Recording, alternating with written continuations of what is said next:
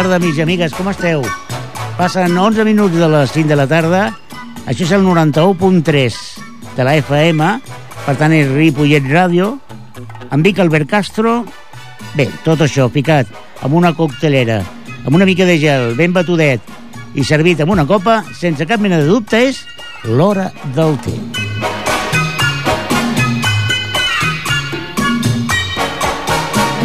I avui l'hora del té parlarà de col·leccionisme.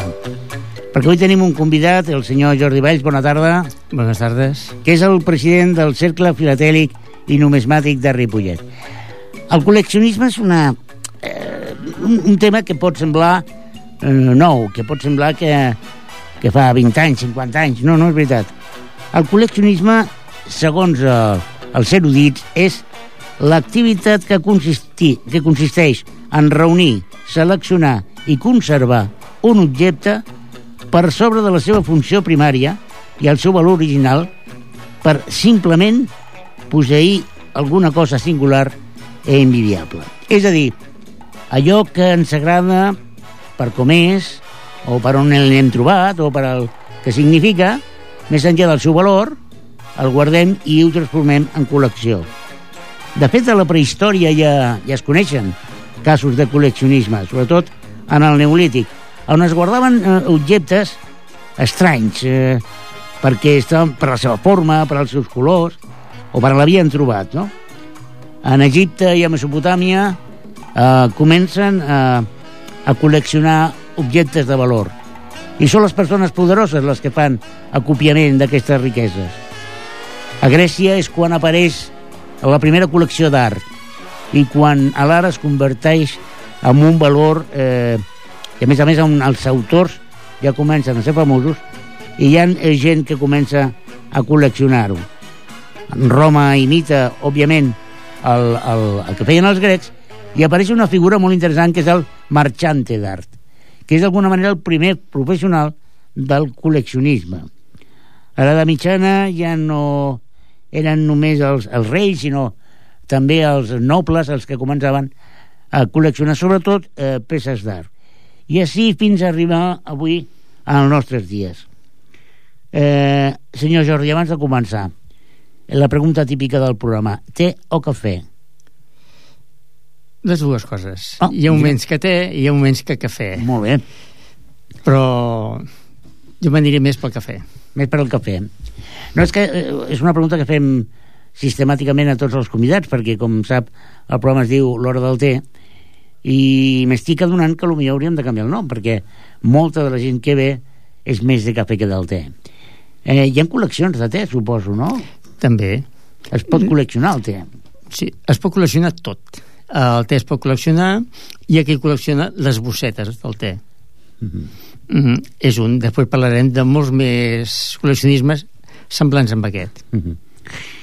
Què li sembla a vostè la història? Eh, suposo que com professional i gran aficionat al món del col·leccionisme, eh, una mica la història va farcida de, de, de història de, de col·leccions no només d'art, sinó de qualsevol cosa, no?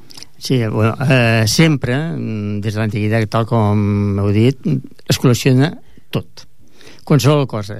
Depèn de la persona, fa una cosa o fa una altra. Podem col·leccionar des d'un objecte petit, petit, petit, insignificant, a un objecte molt gran. Clar que depèn de l'espai. Eh, tota la vida ha existit el col·leccionisme.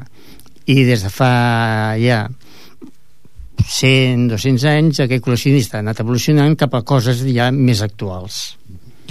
Com comença el senyor Jordi Valls a aficionar-se en el món de la col·lecció, del col·leccionisme?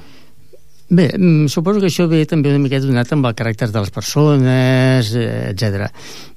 Eh, jo vaig començar de petit. Mm, potser m'agradava posar les coses meves pròpies ben posades, guardades en un calaixet, tenir-les allà ben cuidadetes, els llapisos, les gomes, en fi, tot. I un bon dia, allò, cartes que arribaven a casa, eh, veus que porten un paperet enganxat. Havia sentit alguna cosa i vaig començar a retallar-los, a posar-los amb aigua i vaig començar una col·lecció de segells. Mm, que jo recordi eh, potser tenia 10 11 anys, no més Uh -huh. A casa seva hi havia tradició de col·lecció? eh, no No. Vostè va ser el primer que... Jo vaig ser el primer. Bueno, si em permets et parlaré de tu, perquè sí. a fi de comptes estem compartint una tassa de tu de cafè i jo també, perquè a mi m'agrada més el cafè que el té.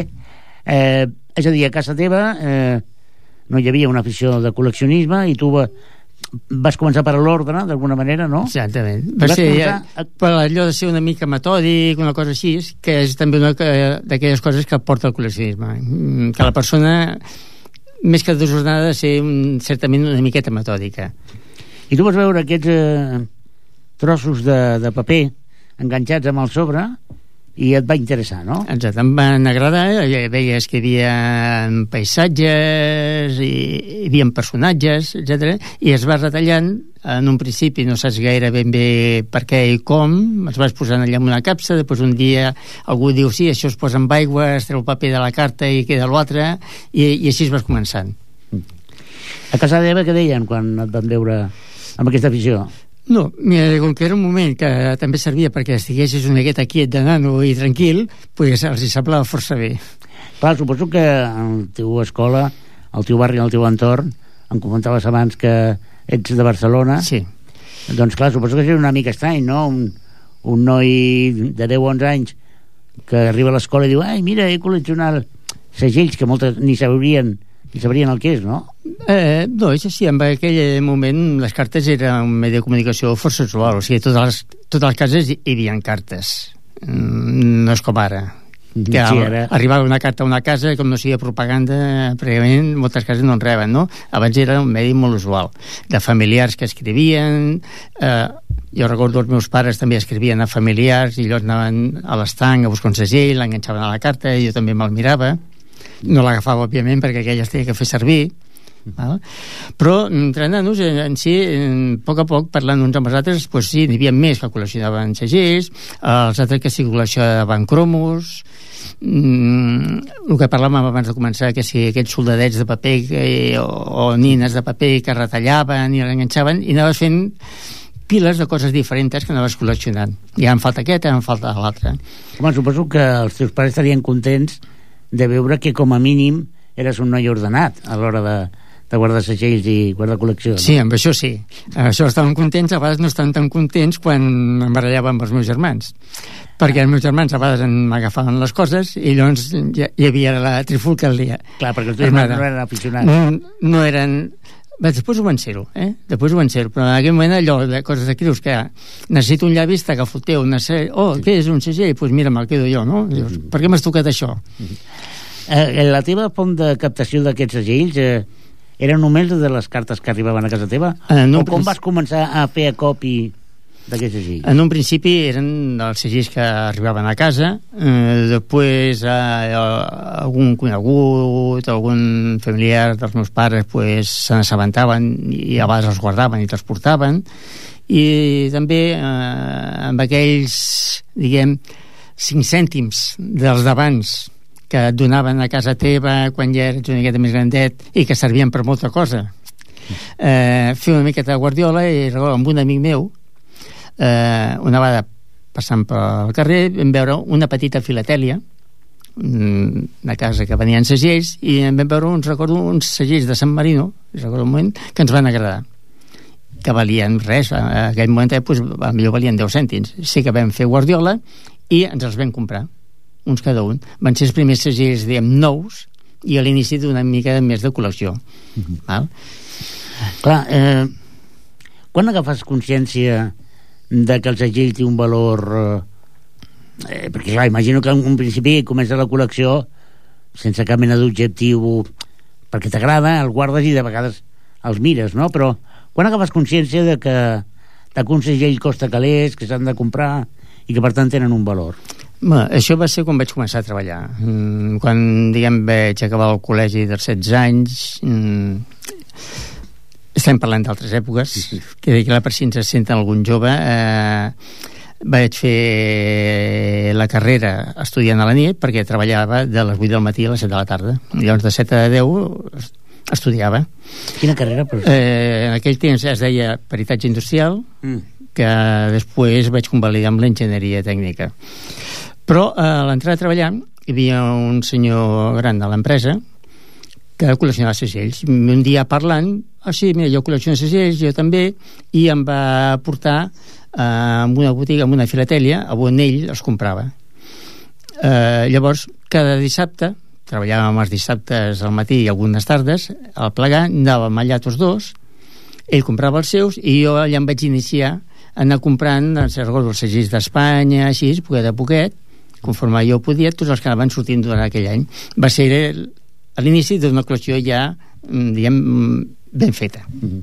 Només eh, vas col·leccionar segells en aquella època o compaginaves altres, altres col·leccions? No, en aquella època eren segells. Eh, després vaig iniciar-me amb monedes, però en aquell moment no. I recordo que a casa teníem botiga i haver passat per les meves mans alguna moneda una miqueta més diferent eh, d'aquell momentet i jo donant-la ràpidament en el canvi mm -hmm. per si de cas eh? eh? una d'elles recordo que es van fer unes edicions mm, que al lloc de l'estrella que porta el numeret amb l'any que es fa la moneda hi havia una B i una A que avui en dia es coneixen com la BA una col·lecció de monedes BA que van ser monedes de 5, 25, 50 que es van fer a Barcelona i van posar una B i una A que avui en dia estan bastant cotitzades alguna, haver-ne vist alguna i això em va quedar gravat a la memòria i, i veure allò diferent i dir, ui, aquesta fora per si de cas és fals clar, a veure, el món del segell com a com altres, eh, que és un objecte valiós alguns segells molt valiós perquè hi ha segells molt valuosos, no? econòmicament parlant. Sí, n'hi ha de molt valuosos. I, clar, de, si parlem de segells estrangers, n'hi ha de molt valuosos, però si parlem de segells d'Espanya, també n'hi ha de molts valuosos.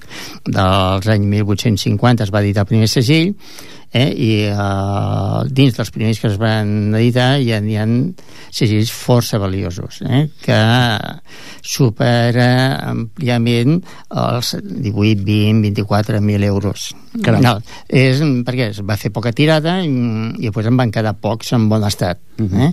de més nous, de més ençà mm, sobretot dels de, anys 20 i pico i després dels anys 30 i pico mm, n'hi ha alguns mm, que també estem parlant de 2, 3, 4, 5.000 euros Caram. un segell no?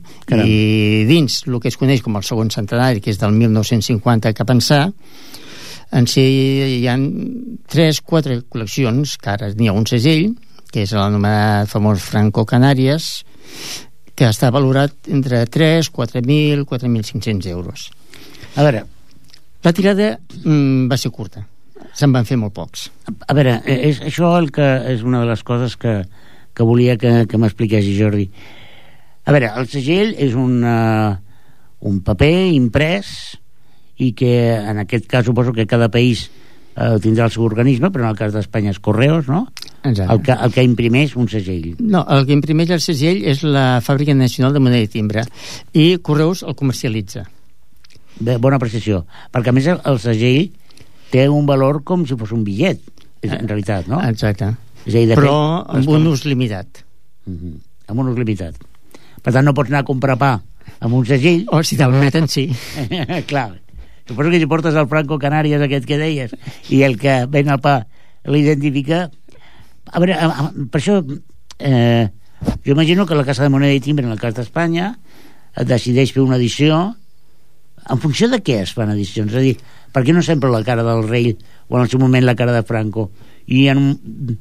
Té, hi ha algun criteri per al qual la Casa de Moneda i Timbre faci edicions especials? Bé, eh, ja es crea un petit organisme on hi ha representat eh, el que és Correus, hi ha representat l'Estat i hi ha representades unes federacions de col·leccionisme i, mm, diguem, de comerciants. Eh, a partir d'aquí s'examinen tots aquells aniversaris o persones famoses mm, o monuments, etc que tenen algú dins d'aquell any o bé es creen temes que duran diversos anys sobre alguna cosa concreta eh? Eh, si es fa molt doncs, per exemple, centenaris de naixement o de mort de personatges, s'editen els segells personatges vius no poden sortir mai en el segell mm. és una norma no escrita només els caps d'estat només els caps d'estat eh? els caps d'estat o familiars. Familiars. Val? Mm. És una norma que no escrita, o sigui, no existeix la norma, però es respecta. I, uh, i l'altra és, pues, com, per fer segells diferents i que només sigui pues, la figura del cap d'estat, eh, es creen, pues, mira, pues, mira, anem a fer uns segells que representen eh, els diferents monestirs que hi ha a Espanya, o les diferents catedrals, ara actualment s'estan fent catedrals, o els castells, o paisatges. I llavors eh, s'editen cada any unes sèries determinades de diferents llocs. I fan una edició limitada, eh, i ho fan limitada perquè tinguin valor col·leccionable o, o perquè pensen que... És a dir, perquè clar, imagino que una col·lecció, per dir alguna cosa, dels, eh, de les catedrals d'Espanya eh, i que facin una, un tiratge curt o incrementa el valor del segell o no? Sí, un tiratge curt òbviament incrementa el tiratge, però eh, que es té en compte o s'hauria de tenir en compte sempre és l'ús que se'n farà d'aquell segell eh? Bueno, eh, de, pel valor que té si és, carta, si és per, no? sí, però pel valor que té si és per carta eh, diguem el que es diu nacional per dins Espanya, o és per carta per l'estranger uh -huh. dins d'Europa o per carta fora d'Europa, cadascuna té un valor o si és correu urgent, llavors es fan quantitats una miqueta d'acord amb l'ús que es preveu d'aquell segell. Va, Quan doncs. es fan edicions limitades, mmm, dona lloc moltes vegades a especulacions, uh -huh. que acaben sortint malament. A veure, imaginem que jo m'aficiono avui al, al món del segell i de casa meva, que cada vegada arriben menys, i sobretot ara amb el correo concertado, el franqueo concertado, ja no, ja no hi ha ni un tros de paper enganxat. És una impressió... Però imaginem que jo vull començar ara mateix una col·lecció. Hi ha alguna mena de guia, de, de barem per saber que no m'estan enganyant? És a dir, em penso que la plaça Real és un, un indret, on, almenys abans, es feia compra i venda de, de segells, encara continua? Sí, eh, sí, compra i venda de segell hi ha en diversos llocs. Um, un és la plaça Real, des de que tinc ús de coneixement allò existeix. Els diumenges Hi ha els, els diumenges al matí, les, els festius també al matí. Un altre lloc més proper a nosaltres, en què ve molta gent, és a Sabadell, al vol del mercat de venta, al costat de l'Ajuntament. Allà també es fa un mercat com el de la Plaça Real, però en més petit. Mm -hmm. I com sé que no m'estan enganyant? Si em demanen eh, 150 euros per un segell. Però clar, jo no, jo no tinc ni idea. Hi ha alguna mena de, de guia? Hi ha, o... hi, ha, hi ha un catàleg s'editen un, que és un catàleg que és un recull on venen tots els segells. Mm. Si parlem d'Espanya, hi ha el d'Espanya, i allà venen recollits amb la seva fotografia tots els segells, el tiratge que tenen, els que s'han fet, i un preu, en nou, en vell, aproximat que no vol dir que sigui el seu valor mm, real de mercat que és demanda i oferta mm. llavors és una miqueta contrastar mm, si ho veiem des del punt comercial sempre és recomanable anar a una botiga un, un lloc mm, que sigui que inspiri una certa confiança eh, normalment una botiga que, que tingui anys serà a millor més cara o més barata que unes que les altres. Això hi és òbviament, però mm, no se la juguen a perdre una fama un, o una clientela que ja tenen assumida a través dels anys. Eh? El que no es pot fer mai és anar a un senyor que trobes pel carrer o en algun lloc o a vegades per algun mercadet que hi ha per allà, que venen amb un llibret i t'ofereixen coses que en una botiga te'n demanen 100 i aquest senyor t'ho dona per 10. Dius, què Alguna passa aquí? Passa, no? eh?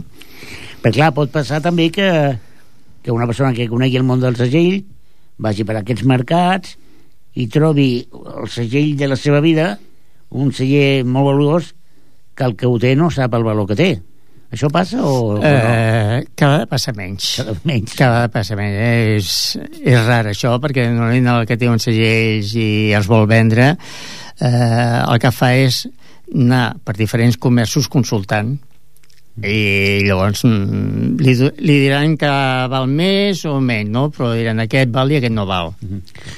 Els segells tenen valor en tant en quant tens la col·lecció completa o, o un aïsladament també pot tenir sí, un valor? un aïsladament sí, normalment el segell hi ha algunes col·leccions que completes augmenten el seu valor però moltes vegades és perquè contenen uns valors determinats Eh? Eh, de totes maneres, aquí és, mm, estem parlant de valors de segells, estem parlant d'una part econòmica i és important. Eh, tothom quan parla de segells diu oh, aquest segell és molt car que sí, són cars, que valen tant. Jo sempre he dit eh, que el segell és per col·leccionar perquè t'agrada eh, si vols, i això són casos i sempre surten malament mm, de gent que col·lecciona segells entre cometes, perquè no col·leccionen sinó que repleguen segells pel seu valor econòmic, perquè passat demà valdran molt més mm, això no és col·leccionar segells això és fer una inversió en tots els riscos que tenen inversió i que moltes inversions acaben també sortint malament eh? això que dius m'agrada Jordi m'agrada perquè demostra que ets una persona romàntica i que ets un col·leccionista i no un inversor no? perquè suposo que clar per vosaltres el fet de tenir un segell o una col·lecció eh, perquè us agrada és més valuós que el valor material que pugui tenir. Bueno, hi ha les dues coses, òbviament, eh? es tindria que amagar una de l'altra, no? Però, eh, a part d'això, com comentàvem també abans de començar, en, per un cantó soc col·leccionista, estic també com a president del Cercle de Filatèlic mm, i Numismàtic de Ripollet, que està abocat al món del col·leccionisme i per l'altre cantó i, i, i a part, separat, això que quedi ben clar mm, i que m'hi dedico comercialment. Eh, i això em permet conèixer moltes més coses d'això parlarem, parlarem ara mateix però eh, Jordi Puy que és el tècnic que avui tenim l'hem recuperat. Jordi, on has estat? hem estat dues o tres setmanes sense tu. T'he trobat a faltar. Què, col·leccionant segells? Me vas dir que tu de petit també sense voler d'alguna manera, no? La teva mare et va començar i et va iniciar en aquest meravellós del món del segell fins que va arribar que te'ls vas menjar, no?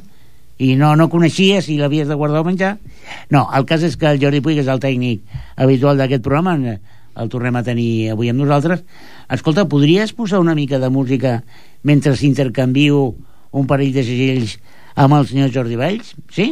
Doncs escoltem aquesta cançó i tornem ràpidament amb ell.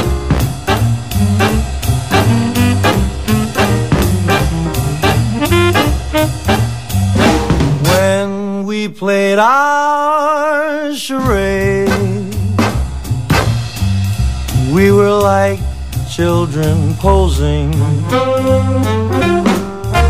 playing at games, acting out names, guessing the parts we played.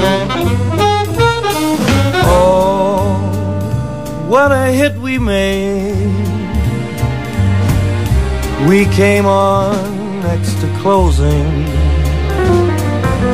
best on the bill. Lovers until love left the masquerade.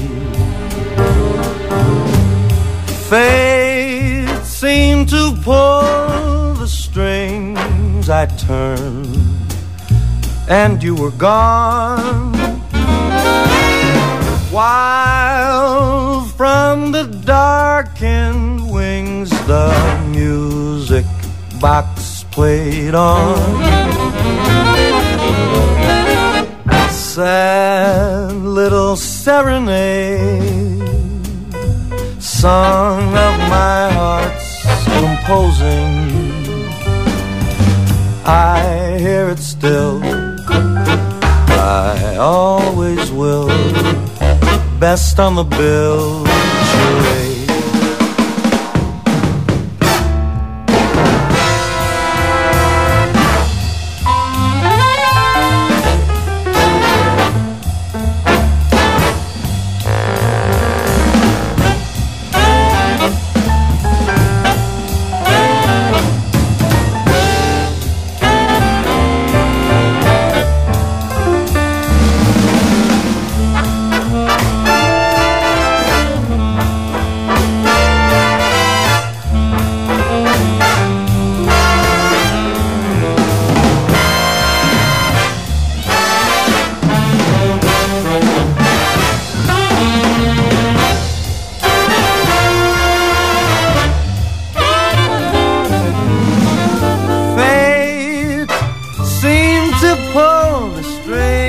Harry Connick Jr. ha sigut el moment musical eh, bé, eh, penso que he fet negoci he fet negoci perquè li he donat un segell amb la cara de, del nostre rei Juan Carlos I i ell m'ha donat tres o quatre de no sé qui però bueno, No, de debò, eh, parlàvem, parlem amb el Jordi Vall sobre el món del col·leccionisme, és el president del Cercle Filatèlic i Numismàtic de Ripollet, i com avançava, ell, a banda d'un gran aficionat, també és un professional d'aquest món. En què consisteix realment la teva activitat, la teva professió en aquest camp? Mm, bé, això era com una miqueta afegit a la meva vertadera professió, no? Els últims 15-18 anys he estat de professor en un institut, fora d'aquí de Ripollet, i llavors eh, amb la meva muller, en nom de la meva muller, vam muntar el que és una filatèria, un comerç de, de segells i monedes. De compra-venda? De, de compra-venda de segells i monedes. Eh, Això ho vam iniciar juntament amb una part de papeleria d'uns familiars en l'any 76, 1976, o sigui, ja fa uns quants anys de que això funciona. Mhm, Perfecte. Per tant, eh, compres i vens només segells i monedes o fas més coses? No, normalment eh, ens dediquem a segells, monedes i bitllets. Mm, la, els altres tipus de col·leccionisme són més aviat més d'intercanvi mm, amb un valor molt ínfim. A veure, eh, el, el col·leccionisme necessita necessita material, és a dir, no només el... Va, jo compro una col·lecció de segells o una col·lecció de monedes i on les fico, com les guardo... Suposo que tot Sí. això també... Eh, avui en dia tot això ha evolucionat molt. Mm, Hi ha diferents marques, diferents fabricants que fabriquen àlbums, fulls, el que se'n diuen classificadors, i qualsevol cosa mm, té el seu lloc apropiat per eh, poder-lo guardar, poder-lo tenir, poder-lo veure, diferents formes de col·leccionar-ho, etc. A veure, suposo que per la teva activitat professional i per la teva dilatada, si m'ho permets, vida col·leccionista, has d'haver vist col·lecció de tota mena. Eh, o no? Sí, hi ha, hi ha de tot. Hi ha Podries tot. explicar alguna, la més curiosa que hagis vist mai? Bueno, eh, curioses i anecdotòiques n'hi ha diverses, eh? Anècdotes en aquest món, pues, amb els anys se'n recullen força, no? Però, per exemple, una que també en una entrevista anterior vam anomenar um, va ser, i va ser, diguem, des de la vessant col·leccionista que me'n vaig a, ai, comercial que em vaig assabentar, se'n va presentar un dia un senyor que diu necessito uns fulls de plàstic amb uns departaments molt petitets per una cosa que col·lecciono i li vaig ensenyar diferents models que disposava i cap li anava bé. I al final li dic, bueno, digui'm què col·lecciona, que ens servirà d'orientació que oferir-li o si hi ha algú al mercat o no que li pugui buscar.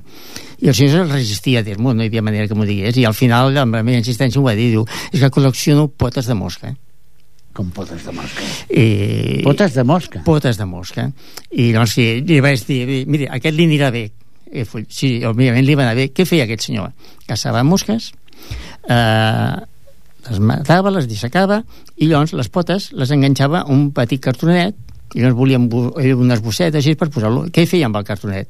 pues aquella mosca l'estudiava i buscava el seu nom científic i escrivia el nom científic les característiques i era la seva col·lecció no va estranyar que no volgués dir-me el què, no? Clar, és que eh, sembla sorprenent, Sí. sorprenent, no? És a dir, Això, en quant a cosa petita, jo tenia també un client que col·leccionava mobles. col·leccionar mobles. Mobles. Mm, va arribar un moment que ell a casa seva, al seu pis, per poder seure a taula, per dinar, Sí. tenia que apartar mobles per poder posar la cadira. Però mobles d'un valor històric o... Mobles, mobles, mobles antics, no cal que es fossin molt cars, simplement col·leccionar mobles. Fins a tal punt que la seva dona li va dir o es treus els mobles o me'n vaig. I aquell bon home el que va fer va ser comprar un altre pis I i, anar-se'n a viure a l'altre pis i deixar el pis, diguem, Mare antic, ple de mobles. Caram, caram. Bueno, eh, eh, tots coneixem les famoses col·leccions d'art, que són les més conegudes, col·leccions privades eh, o públiques. Eh, ara se'n ve- al cap el, la Thyssen, per exemple, no? Que fins i tot tenen un museu molt visitat, però, però clar, eh, això de col·lecció de mobles, un pensa en, en mobles, eh, per exemple, del Luis XV... Però no, no, aquest senyor pel que diu... Sí, eh, home, hi ha aquelles calaixeres que tenien les nostres àvies a casa, mm. aquelles cadires antigues, o sigui, mobles del de, segle XIX, principis del segle XX, mm, que no cal anar tan enrere, no? jo crec que no sé què pensaràs tu Jordi qualsevol pot col·leccionar qualsevol cosa a potser no ho sabem i al costat tenim un col·leccionista que col·lecciona potes de mosca, potser, no? Mm, Pot ser, no sé si tenim al costat un cap col·leccionador de potes de mosca, però sí que hi ha, el món del col·leccionisme és infinit i moltes vegades eh, els que tenim al costat no saben que un col·lecciona o nosaltres no sabem qui els col·leccionen eh? Eh, col·leccionismes pues, des dels segells i monedes els més habituals i els que estan més estesos a tot el món mm, hi ha catàlegs a nivell mundial per aquest tipus de col·leccionisme. Eh, hi ha qui col·lecciona les bosses de sucre qui col·lecciona punts de llibre mm. qui col·lecciona caixes de llumins sí, números de loteria, números de l'11 el que des de fa uns quants anys es va posar, posar una mica de moda és les xapes del cava Uh -huh. el, mm, és infinit el món del col·leccionisme. En quant que si coneixem el del costat sí què fa? Mm, jo tenia un client que en col·leccionava segells i un bon dia estava a la parada i es saluda amb un, una altra persona que, que va venir allà, que també el tenia jo de client i que se saluden i hola, hola, què fas aquí? Sí, no, que vinc aquí a buscar segells. Ah, doncs jo també. Que senyors, dos senyors treballaven junts I no ho sabien. i no ho sabien entre ells. Portant anys. Eh, al cap d'un mes i pico van coincidir els dos, que ja doncs, venien junts, amb un altre que també treballava amb ells. Com a resultat de 10 persones que eren en una oficina, 8 col·leccionaven segells des de feia molts anys i cap d'ells sabia de l'altre. Caram. Jo penso que també una feina que, que haurà passat i no, i no és políticament, sinó d'una forma penso que habitual, és que el col·leccionista moltes vegades aporta història que s'hagués perdut si algú no ho hagués col·leccionat. És a dir, poso per exemple eh, jo recordo eh, amb un viatge que vaig fer a la, a la Rioja una bodega té un museu del vi d'acord? i aquest museu una de les coses que té molt interessants és una col·lecció de, no sé com es diu en català, el sacacorxos Eh, llevataps. llevataps, exacte i era tan interessant aquella col·lecció que jo penso, si algú no s'hagués eh, cuidat de guardar-ho no haguéssim viscut la evolució d'un estri aparentment tan poc evolucionat com un, com un llevataps, no? I per al contrari veies que hi havia tot un avanç tecnològic mm, per treure aquest, aquest tap de l'ampolla, no? Què penses realment que el col·leccionista contribueix a conservar part de la història? Sí, és una miqueta com conservar coses antigues, mm, anar-les col·leccionant, mm, anar-les guardant adequadament, que no es facin malbé, i amb els anys sí que un de que oh, això era així d'aquesta manera o això era d'aquesta altra manera eh, a través dels segells que ha sigut el tema inicial nosaltres mm, veiem els quadres d'un pintor. Veiem uns monuments. Mm, jo una vegada recordo anar de visita a Madrid al Prado eh, veure un quadre oh, aquest és de tal pintor i aquest és d'altre pintor visualment el recordava d'uns segells que tenia jo a la meva col·lecció Clar. que els havia visualitzat allà mm. i d'aquí hi havia un apartat que diem o col·leccionem aquests paperets bueno, aquests paperets són cultura el que només el posa a dins un àlbum i pum, i el tanca i ja està malament, el que se'l mira el remira i inclús busca eh, amb una enciclopèdia una miqueta el que representa aquell segell s'està culturitzant Clar, hi ha molta ta- cultura darrere de tot La això col·lecció, el col·leccionisme també implica investigació. Exacte. Com a mínim curiositat per veure allò que tens, què vol dir o què representa, Exacte. no? com a mínim curiositat I això és molt interessant, suposo. Eh? Exactament, tenim un monument, bueno, on és aquest monument, a quin lloc està ubicat, per què, què l'ha portat a que s'hagi seleccionat per posar en un segell, o sigui, vol dir que ha de ser conegut, ha de tenir algú a darrere, que l'hagi merescut sortir amb un segell. Jordi, hi ha una, hi ha una pregunta que et vull fer i, i no t'ho prenguis malament, no? Molta gent que ens escolta que potser no ho sap que col·lecciona i col·lecciona coses o potser no li dona valor a la seva col·lecció perquè entén que la col·lecció és eh, o de segells molts o de, o de bitllets antics o de monedes o de pintura tal. Eh, tenen la imatge del col·leccionista una mica com una persona rara una mica entre científic i, i gent eh, molt d'estar a casa arraconat eh, com que amb portes tancades. Tot això és mentira o no? Sí, sí, sí, d'això mm, hi ha res eh? res de portes tancades de, de persona rara eh? o sigui, tothom sap què és el col·leccionisme col·leccionant segells sí que és una cosa que no anem pregonant no anem dient em diria, sí, jo vaig estar la setmana passada de viatge a París o he anat a Nova York, però no diem, jo col·lecciono segells, jo col·lecciono moneda o col·lecciono postals. No ho anem dient. Però de rar, res, i de persona tancada allà com Urany, així, res de res. I com a exemple de que no sou persones tancades, eh, la vostra entitat, el Cercle Filatèlic i Numismàtic de Ripollet, del qual tu ets president. Exactament. Eh, a veure, eh, jo em poso al primer de la fila de la meva ignorància. Com, com, eh, com es comparteixen les col·leccions? És a dir, què, què provoca el fet de crear una entitat com un cercle filatèlic? Per, eh, què feu? Com és l'entitat? És, és força curiós, no? Perquè podria entendre, o potser seria més habitual, una entitat per compartir cinema o, o una entitat per sortir d'excursió de, o per ballar o... però clar, per, per col·leccionar segells Dir, què feu a la vostra entitat? Aviam, eh, el Cercle Filatèlic eh, va iniciar el seu camí per als vols de l'any 73, 1973. Eh, poca o sigui, broma. Fa ja molts anys. Eh, encara 20 anys. Com va sorgir això? No, que dic 20 anys. No, no, no perdoni, més. perdoni. 40, 40. 40. 40, perdó. Oh, 40. És que, clar, és que em faig vell. Això com va sorgir? Pues, eh, diferents persones que col·leccionaven segells que es coneixien entre elles mmm, van decidir fer allò, un grup d'amics on parlar dels segells participar de les seves experiències. No era una cosa nova. mm, a Barcelona i a moltes localitats eh, ja existien aquest tipus d'agrupacions, cercles, grups d'amics i eh, el cercle filateri de Ripollet va néixer una miqueta com un annex de lo que era el cercle de Barcelona el, després ja es va ser independitzat completament eh, què es feia allà, allà dins? Pues, mm, compartir experiències uns amb els altres, intercanviant-se segells entre uns als altres, eh, dir-se, pues, mira, aquestes col·leccions jo les trobo a tal lloc o aquell altre lloc, jo ho faig d'aquesta manera, i, eh, a més a més, eh, facilitar tota una sèrie d'informacions, catàlegs, eh, etc que a nivell d'un personal, si no té una col·lecció molt extensa, pues, mm, no li surt a compte tenir-los, i llavors eh, aquí en el segle mm, es disposen i estan a l'abast de tots els seus socis. Vale? Molt interessant. I teniu local i Sí, us reuniu i...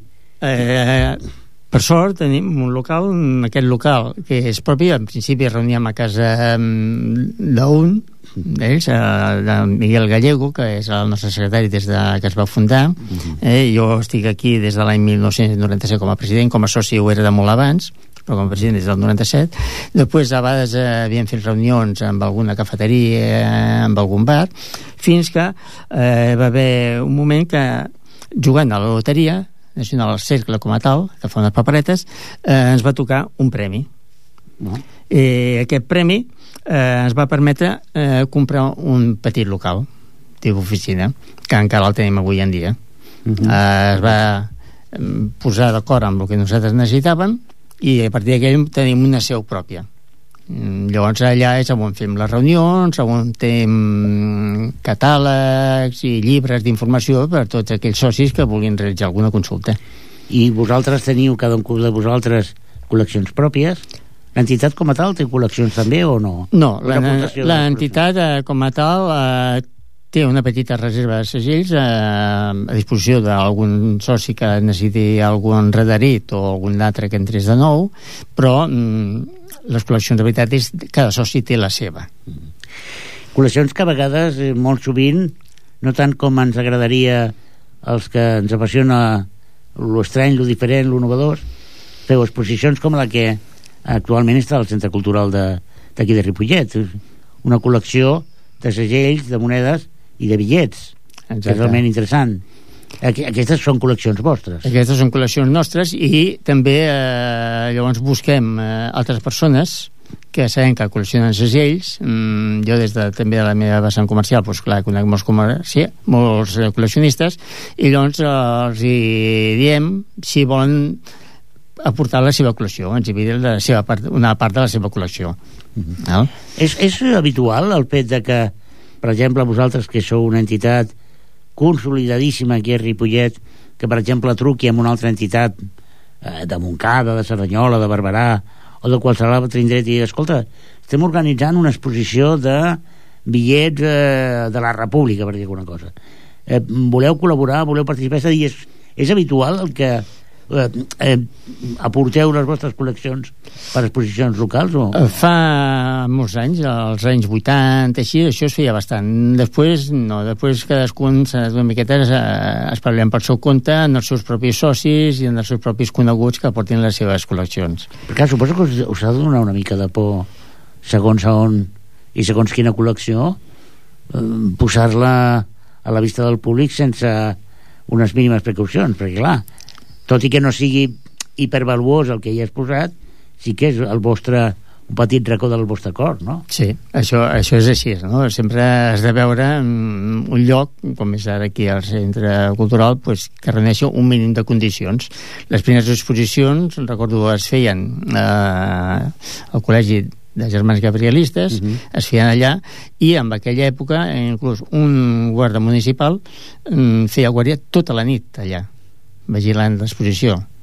Uh -huh. Perquè hi haurien... Ara hi ha altres medis ja de, de control. Mm, Sí que també procurem, ja per seguretat, eh, no exposar peces excessivament valuoses. Eh? Ara podíem disposar d'una sèrie de segells aquí que superaven tranquil·lament els 14-15.000 euros, però Caram. mm, ah, ben dir, no, això no s'exposen. Que no vol dir que fossin de col·leccions pròpies, no? O sigui, sí, de diferents exportacions de diferents llocs, però vam decidir, no, això més val no exposar-ho.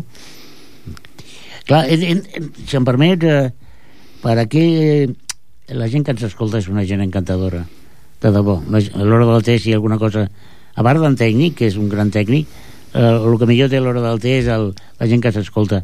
Però de vegades sempre hi ha algú que diu, home, mira, eh, escolteu, eh, tinc entès que el local vostre, que no guardeu res de valor, No. ha sigut eh, eh, intentat eh, obrir i forçat diverses vegades, no? Sí, últimament ens van intentar entrar eh, a través d'unes finestres que per això tenen reixes mm, i l'altre dia però eh, no fa gaires dies també van intentar entrar a través de la porta però suposo que aquí no va ser per qüestió de robatori sinó devia ser més aviat eh, sistema ocupa Ja. eh?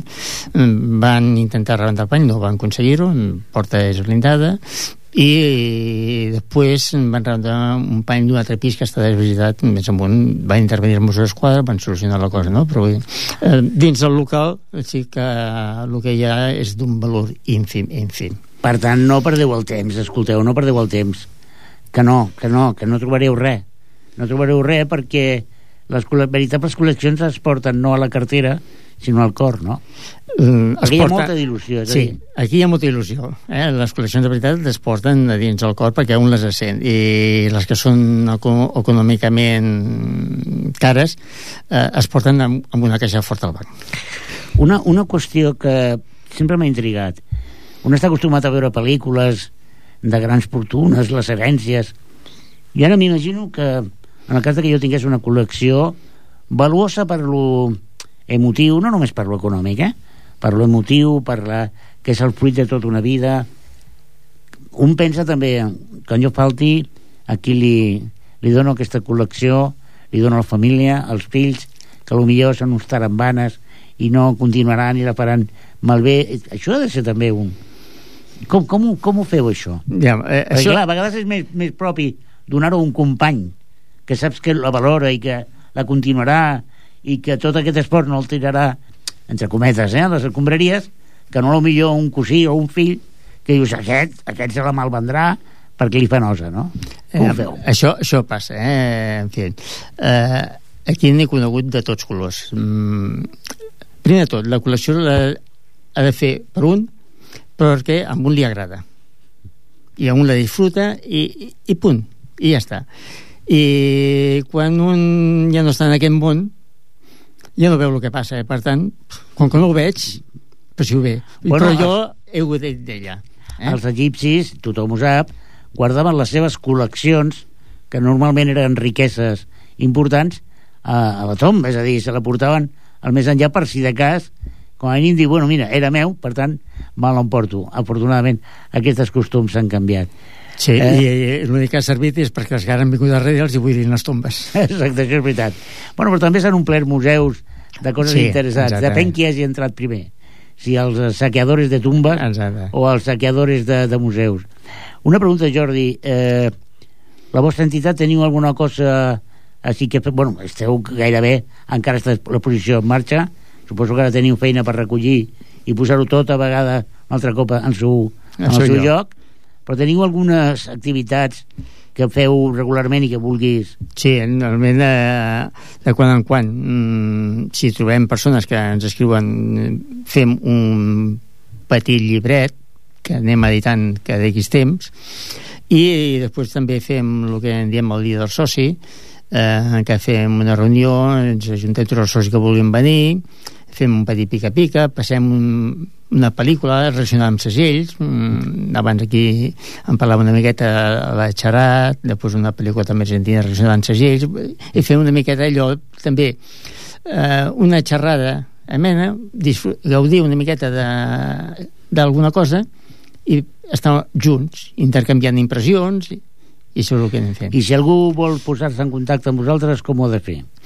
Aviam, eh, en el segle, com que és un local que eh, habitualment hi anem poc, hi anem unes poques hores, eh, llavors sí que és eh, adreçar-se a les cases particulars de, de, del senyor Galleu, que està a la Passada Palma, o casa meva, uh -huh. que estigui al carrer Casanovas, és una miqueta adreçar-se en aquesta, aquests llocs. Doncs ja ho sabeu. Eh, que teniu eh, moltes deutes, col·leccioneu factures sense pagar, això no val. Això no val. Bueno, sí que val, però no seria una col·lecció de la que hem parlat avui, amb el Jordi Valls, president del Cercle Filatèlic i Numismàtic de Ripollet. Hem parlat de, de moltes coses i se'ns ha passat l'hora volant. Eh que sí, Jordi? Exacte. Molt Però volant. volant, volant. Podríem haver parlat de moltes més coses encara. Ui, tant. És a dir, hem, ens hem deixat tantes coses al calaix que haurem de fer col·lecció de programes amb el Jordi Vall. Per tant, segurament el tornarem a convidar perquè torni amb tots nosaltres. Vosaltres podeu fer col·lecció de programes de Ripollet Ràdio? I com? Doncs, o bé estar enganxats al 91.3 hora rere hora, que no està malament, o si digo, mira, és que jo faig coses, bé, em dutxo, treballo, mm, bueno, no hi ha problema, perquè a ripolletradio.cat pots descarregar-te i escoltar l'hora del té tantes vegades com vulguis. Però no només l'hora del té.